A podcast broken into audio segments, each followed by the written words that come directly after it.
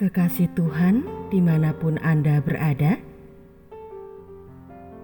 kita jumpa lagi dalam Kencan dengan Tuhan. Edisi Rabu 30 Juni 2021. Dalam Kencan kita kali ini, kita akan merenungkan bacaan dari surat Paulus yang pertama kepada jemaat di Tesalonika, bab 5 ayat 18. Mengucap syukurlah dalam segala hal, sebab itulah yang dikehendaki Allah di dalam Kristus Yesus bagi kamu.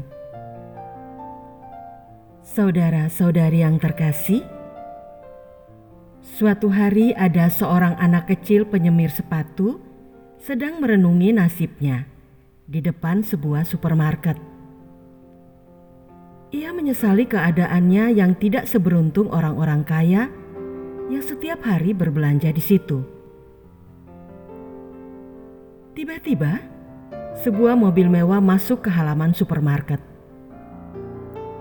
Seorang anak dari keluarga kaya ada di dalam mobil mewah tersebut. Ia tidak ikut berbelanja, tetapi tetap di dalam mobil tersebut. Si anak penyemir sepatu melihat anak tersebut dalam mobil mewahnya.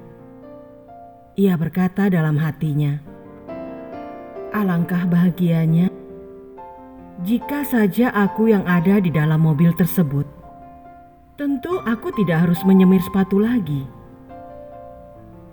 Makananku enak-enak, dan rumahku tentu menyenangkan." Begitulah keinginan anak kecil penyemir sepatu itu. Sementara itu, dari dalam mobil si anak orang kaya itu memandang si anak kecil penyemir sepatu. Ia pun berkata dalam hatinya, "Alangkah senangnya jika aku dapat hidup bebas seperti tukang semir sepatu itu." Tiba-tiba, si anak kaya itu melambaikan tangan kepada si anak kecil penyemir sepatu itu sambil tersenyum si anak kecil penyemir sepatu itu segera mendatangi si anak kaya tersebut. Sebab pikirnya ia akan dapat order menyemir sepatu. Setelah dekat, si anak kaya itu bertanya, "Maukah engkau menggantikan saya duduk di mobil ini dan saya menggantikanmu menyemir sepatu?" Anak kaya itu pun membuka pintu mobilnya. Si anak kecil penyemir sepatu itu sangat terkejut ketika melihat bahwa si anak kaya itu ternyata kedua kakinya lumpuh, tidak bisa berjalan. Maka si anak kecil penyemir sepatu itu segera berbalik dan sambil berlari menjauh ia menjawab, "Tidak, tidak, saya tidak mau. Saya mau seperti keadaan saya sekarang saja." Bukankah dalam kehidupan sehari-hari kita juga sering iri hati terhadap teman, saudara, atau tetangga kita yang kelihatannya berhasil? Padahal kita tidak tahu apakah kesuksesan mereka itu membahagiakan mereka atau tidak. Seringkali kita tidak bisa mengucap syukur karena merasa rumput milik tetangga jauh lebih hijau.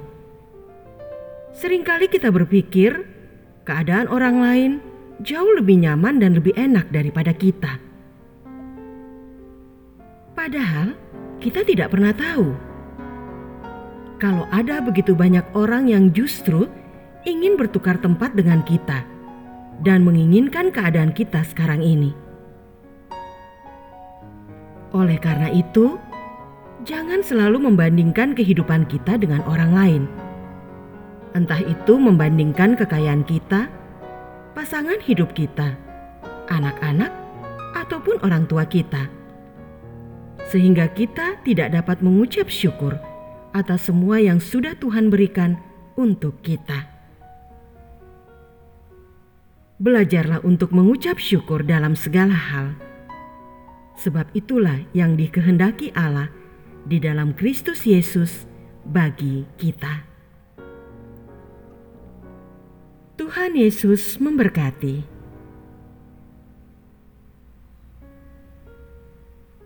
Marilah kita berdoa. Tuhan Yesus,